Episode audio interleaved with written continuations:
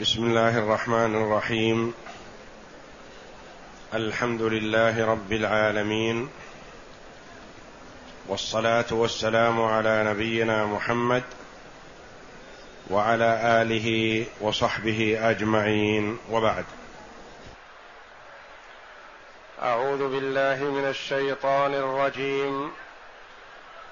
ولقد كتبنا في الزبور من بعد الذكر أن الأرض يرثها عبادي الصالحون. إن في هذا لبلاغا لقوم عابدين. وما أرسلناك إلا رحمة للعالمين. يقول الله جل وعلا ولقد كتبنا في الزبور من بعد الذكر أن الأرض يرثها عبادي الصالحون. ولقد كذب ولقد كتبنا اللام موطئة للقسم وقد للتحقيق. فهو متضمن للقسم كأنه يقول والله لقد كتبنا في الزبور وما المراد بالزبور؟ قولان للعلماء رحمهم الله. قيل المراد بالزبور الكتب المنزلة من الله جل وعلا قبل القرآن. لأن الزبر هو الكتب. فالزبور المكتوب. ولقد كتبنا في الزبور الكتب المنزلة قبل القرآن. ولقد كتبنا في الزبور. وقيل المراد بالزبور الكتاب الذي أنزل على داوود على نبينا وعليه أفضل الصلاة والسلام. لأنه كان يسمى الزبور. الله جل وعلا يقول وآتينا داوود زبورا. إذا المراد بالزبور ولقد كتبنا في الزبور التوراة والإنجيل والزبور. هذا القول الأول. القول الثاني المراد الزبور الذي نزل على داود خاصة. والقول الأول أرجح كما رجحه كثير من المفسرين. ولقد كتبنا في الزبور من بعد الذكر من بعد الذكر. الزبور جاء بعد الذكر. ما المراد بالذكر؟ المراد به اللوح المحفوظ. لأنه قد سجلت فيه جميع الكتب المنزلة. اللوح المحفوظ. وقيل المراد بالذكر هنا القرآن. وحينئذ لا يتأتى أن كلمة بعد على بابها. لأنه إذا أريد بالذكر القرآن فالقرآن نزل بعد الزبور الكتب السابقة. بعد التوراة والإنجيل والزبور. قالوا بعد هنا بمعنى قبل. والأقرب والله أعلم أن المراد بالذكر اللوح المحفوظ عند الله جل وعلا.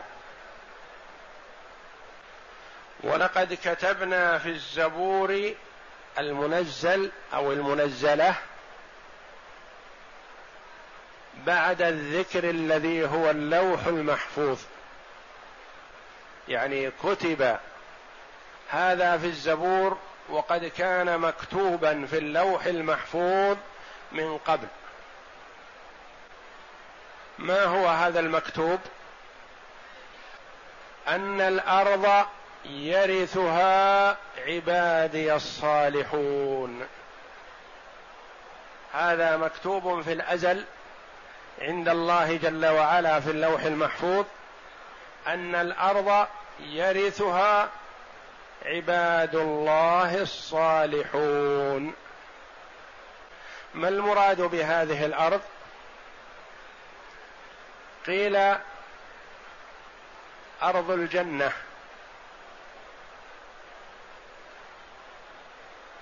لأن الله جل وعلا أخبر في كتابه العزيز عن عباده الصالحين أنهم قالوا وقالوا الحمد لله الذي صدقنا وعده وأورثنا الأرض نتبوأ من الجنة حيث نشاء. قالوا المراد الجنة. والقول الآخر أن المراد بالأرض أرض الكفار.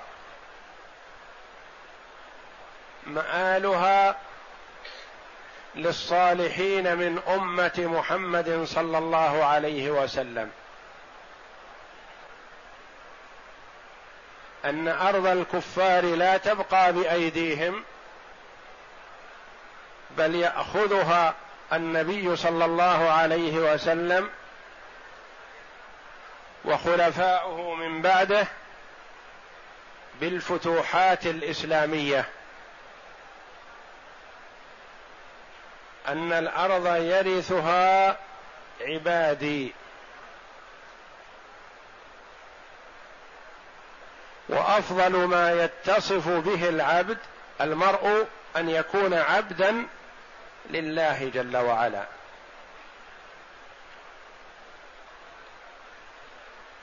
أن الأرض يرثها عبادي الصالحون. الأرض الجنة أو أرض الكفار يرثها محمد صلى الله عليه وسلم وخلفاؤه من بعده يأخذونها من أيدي الكفار بالفتوحات الإسلامية وقيل المراد بذلك بنو إسرائيل الصالحون منهم واستدلوا واستدل من قال بهذا القول بقوله جل وعلا وأورثنا القوم الذين كانوا يستضعفون مشارق الأرض ومغاربها التي باركنا فيها أي أن الله جل وعلا كتب في اللوح المحفوظ وأنزله في الزبور أو في الكتب المنزلة التوراة والإنجيل والزبور بأن الصالحين من بني إسرائيل يرثون الأرض. وقد حقق الله جل وعلا لهم ذلك في قوله وأورثنا القوم الذين كانوا يستضعفون مشارق الأرض ومغاربها التي باركنا فيها وهذه في بني إسرائيل. أن الأرض يرثها عبادي الصالحون. إن في هذا لبلاغا لقوم عابدين. إن في هذه المواعظ والذكرى في هذه السورة.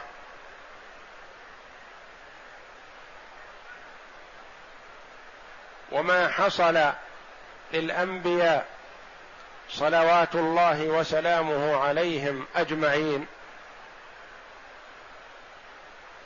من مجاهدة الكفار وأن الله جل وعلا قد نصر رسله وأنبياءه وجعل العاقبة لهم في هذا بلاغا بلغة كفاية في الدلالة على أن الله جل وعلا ينصر أولياءه ويخذل أعداءه. إن في هذا الإشارة في هذا للآيات السابقة في تأييده جل وعلا لأوليائه. بلغة للعابدين. وقيل المراد في قوله جل وعلا إن في هذا أي القرآن. لا المراد به السورة فقط أو الآيات التي في هذه السورة بل المراد القرآن كله. إن في هذا القرآن لبلاغا.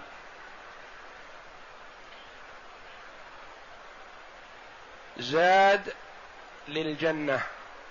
القرآن زاد للجنة.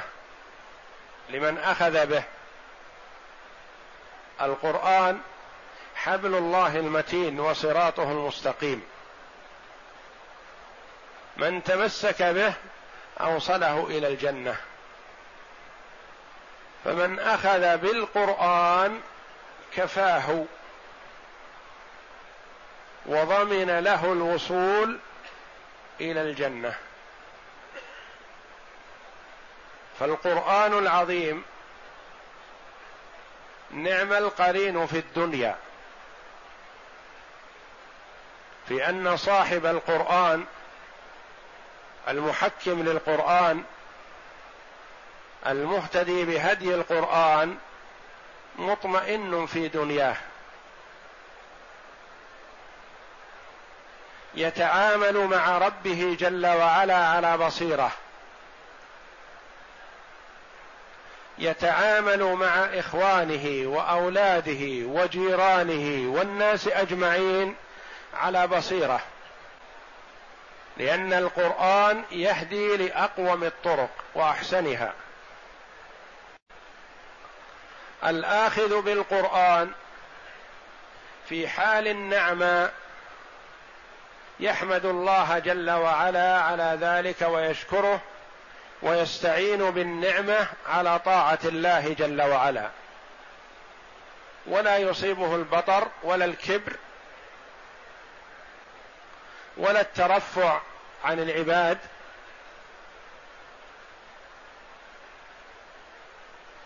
بل يستعين بنعمته على طاعة الله جل وعلا. صاحب القرآن إذا أصابته الضر المصيبة علم أنها من الله جل وعلا.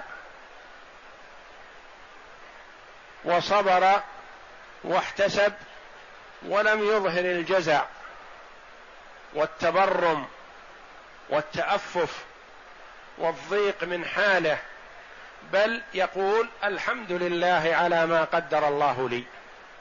كل هذا بقضاء الله وقدره ويحمد الله على ذلك ويرضى ويصبر ويوقن بأنه مأجور على صبره.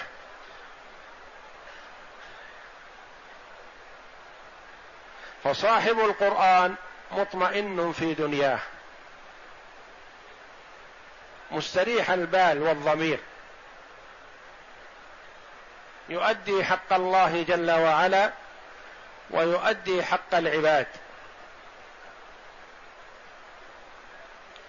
صاحب القرآن مستأنس في قبره لأن القرآن يكون معه. في قبره يونسه ويذهب عنه الوحشة. وعند القيام من القبور يتلقاه القرآن ويشفع له عند ربه وهو شافع مشفع. اذا فالآخذ بالقرآن مستأنس مستريح البال مطمئن في دنياه وفي قبره وبعد بعثه. والقرآن لا يفارقه. فهو في دنياه يستدل بآياته ومواعظه وعبره ويستأنس بها وفي القبر يونسه وفي القيامة شفيعا له. إن في هذا لبلاغا. في هذا القرآن زاد وكفاية وموصل لكل خير. لبلاغا لمن لقوم عابدين. لقوم عابدين. عباد الله القرآن بلاغ لهم.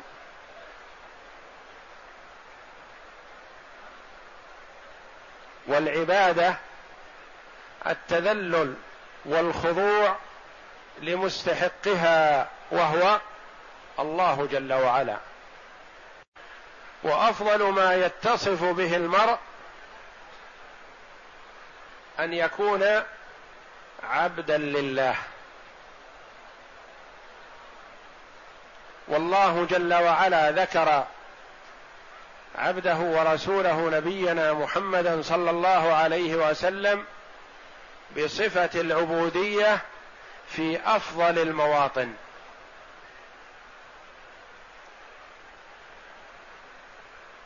عند إنزال الكتاب عليه قال الحمد لله الذي أنزل على عبده الكتاب ولم يجعل له عوجا. وعند الإسراء قال الله جل وعلا سبحان الذي أسرى بعبده من المسجد الحرام إلى المسجد الأقصى. سبحان الذي أسرى بعبده ليلا من المسجد الحرام إلى المسجد الأقصى.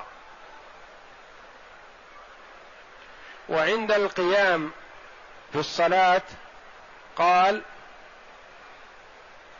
وأنه لما قام عبد الله يدعوه كادوا يكونون عليه لبدا. فأفضل صفة للنبي صلى الله عليه وسلم العبودية لله جل وعلا. وكذا صلحاء الأمة بقدر تمكن العبد في عبودية الله جل وعلا يكون فضله وميزته على غيره. إن في هذا لبلاغا لقوم عابدين يعني مشغولين بالعبادة موصوفين بالعبادة ملازمين للعبادة. والمؤمن يكون دائما في عبادة لله جل وعلا وهو في حال نومه في عبادة. لأنه يتقوى بهذا النوم على العمل الذي يرضي الله. في حال أكله في عبادة لأنه يتقوى بأكله هذا على عبادة الله جل وعلا. لقوم مشغولين بالعبادة ملازمين للعبادة مستمرين دائما وابدا على العبادة. وهذا ما أوصى الله جل وعلا به عبده ورسوله نبينا محمد صلى الله عليه وسلم في قوله واعبد ربك حتى يأتيك اليقين. متى؟ حتى الموت. لا تفتر عن عبادة الله. فالقرآن زاد لمن؟ قام بعبادة الله جل وعلا. روي في تفسير النبي صلى الله عليه وسلم لهذه الآية أنه قال إن في الصلوات الخمس شغلا للعبادة. يعني يكون المرء عابدا لله حقا إذا قام بالصلوات الخمس خير قيام. وإذا قام بها خير قيام فهي كفيلة بأن تدله على جميع أبواب الخير وأن تمنعه وتحجبه عن جميع أبواب الشر. قال الله جل وعلا إن الصلاة تنهى عن الفحشاء والمنكر. إن في هذا لبلاغا لقوم عابدين. في القرآن لمن أخذ به بلاغ وزاد وموصل إلى مرضاة الله جل وعلا.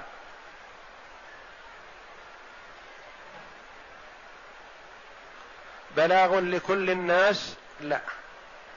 لمن عبد الله جل وعلا وقام بعبادته حقا. وأهم العبادة والأعمال الصالحة بعد الشهادتين هي الصلاة. ثم تليها وقرينتها الزكاة. ثم بقية خصال الخير. لبلاغا لقوم عابدين. وما أرسلناك إلا رحمة للعالمين. يقول الله جل وعلا لمحمد صلى الله عليه وسلم وما أرسلناك إلا رحمة لمن؟ للعالمين. ما المراد بالعالمين هنا؟ الجن والإنس. هو رحمة للناس كلهم أم رحمة للمؤمنين فقط؟ لا. قال الله للعالمين. ولم يقل أرسلناك رحمة للمؤمنين. وإنما هو رحمة للمؤمنين والكفار. رحمة للمؤمنين في الدنيا والآخرة. ورحمة للكفار في الدنيا فقط.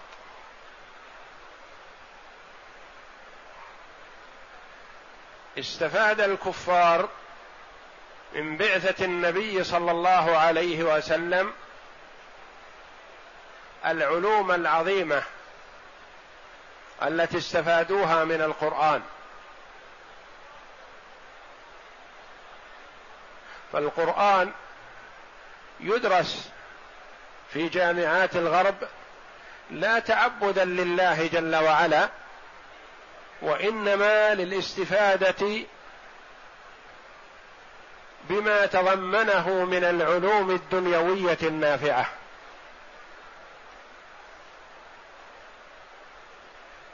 ولما فيه من الخصال الحميدة النافعة للمرء في دنياه. استفاد الكفار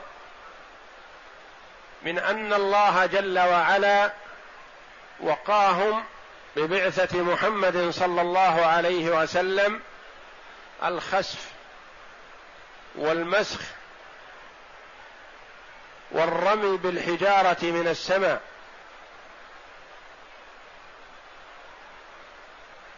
قال الله جل وعلا وما كان الله ليعذبهم وأنت فيهم. الأمم السابقة قبل بعثة الرسول صلى الله عليه وسلم إذا عصت الأمة رسولها صلى الله عليه وسلم أمره الله جل وعلا أن يخرج من بين أظهرهم ثم يرسل عذابه عليهم. وهذه الأمة وقاها الله جل وعلا ذلك.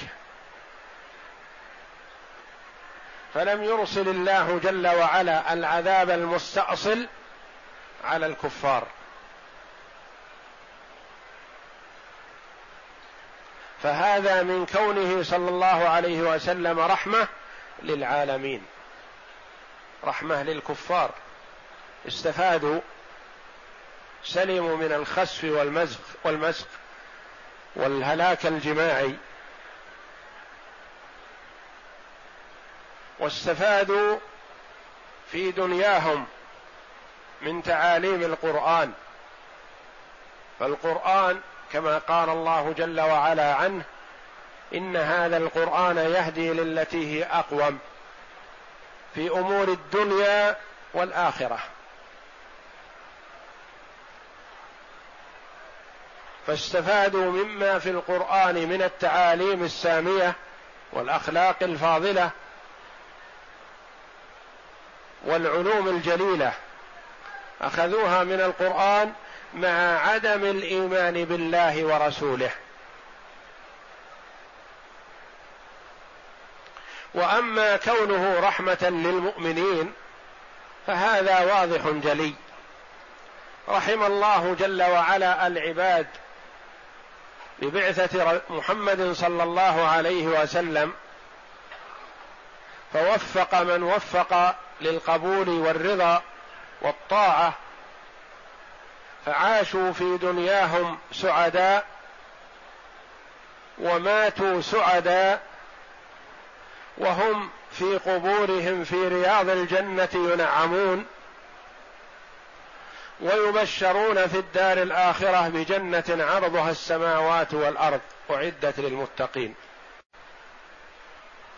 فعن أبي أمامة رضي الله عنه قال قال رسول الله صلى الله عليه وسلم إن الله بعثني رحمة للعالمين وهدى للمتقين. ولما طلب منه صلى الله عليه وسلم أن يدعو على المشركين قال عليه الصلاة والسلام إنني إني لم أبعث لعانا حينما خرج صلى الله عليه وسلم من مكة إلى الطائف وقد أوذي في مكة أذى شديدا وقوبل بالأذى الشديد في الطائف ولما عاد صلى الله عليه وسلم من مك من الطائف إلى مكة حزينا أتاه ملك الجبال. فقال يا محمد إن الله أرسلني إليك فإن شئت أن أطبق عليهم الأخشبين. أطبق على أهل مكة الجبلين الجبلان المحيطان بمكة. وقد آذوه وأتعبوه وأخرجوه وردوه وأوذي في ذلك أذى شديدا ماذا كان جوابه عليه الصلاة والسلام؟ بل أستأني بهم لعل الله أن يخرج من أصلابهم من يعبد الله لا يشرك به شيئا. وكان من دعوته صلى الله عليه وسلم حينما يقابل المشركين في القتال يقول اللهم اهزمهم وانصرنا عليهم. يطلب النصر للمؤمنين والهزيمة للكافرين ولم يسأل صلى الله عليه وسلم هلاكهم. اهزمهم. والمنهزم في أمل أن يرجع إلى الله جل وعلا ويتوب. وقال عليه الصلاة والسلام الحديث الذي رواه البيهقي إنما أنا رحمة مهداة مهداة إلى الخلق من الخالق جل وعلا فهو رحمة للعالمين. كل استفاد من بعثته صلى الله عليه وسلم. وفائدة المؤمنين لا يعادلها شيء. سعادة الدنيا والآخرة. وما أرسلناك إلا رحمة للعالمين. فيها حصر. مجيئك من أجل رحمة الله جل وعلا بالعالمين أرسلك إليهم. وهو عليه الصلاة والسلام رسول الله صلى الله عليه وسلم إلى الثقلين الجن والإنس. كما قال الله جل وعلا قل أوحي إلي أنه استمع نفر من الجن فقالوا إنا سمعنا قرآنا عجبا. يهدي إلى الرشد فآمنا به. آمنوا بمحمد صلى الله عليه وسلم. وكثير من الجن آمن قبل إيمان كثير من الإنس من كفار مكة ومن أهل مكة. وفي قوله جل وعلا ولقد صرفنا إليك نفرا من الجن يستمعون القرآن فلما حضروه قالوا أنصتوا فلما قضي ولوا إلى قومهم منذرين. فهو عليه الصلاة والسلام رحمة للعالمين للجن والإنس مؤمنهم وكافرهم. رحم الله المؤمنين في الدنيا والآخرة. ببعثته صلى الله عليه وسلم ورحم الله الكفار في الدنيا. هذا وأرجو الله جل وعلا أن يمن علي وعليكم بالعلم النافع والعمل الصالح وأن يجعلنا من الهداة المهتدين الذين يستمعون القول فيتبعون أحسنه. وصلى الله وسلم وبارك على عبده ورسول نبينا محمد وعلى آله وصحبه أجمعين.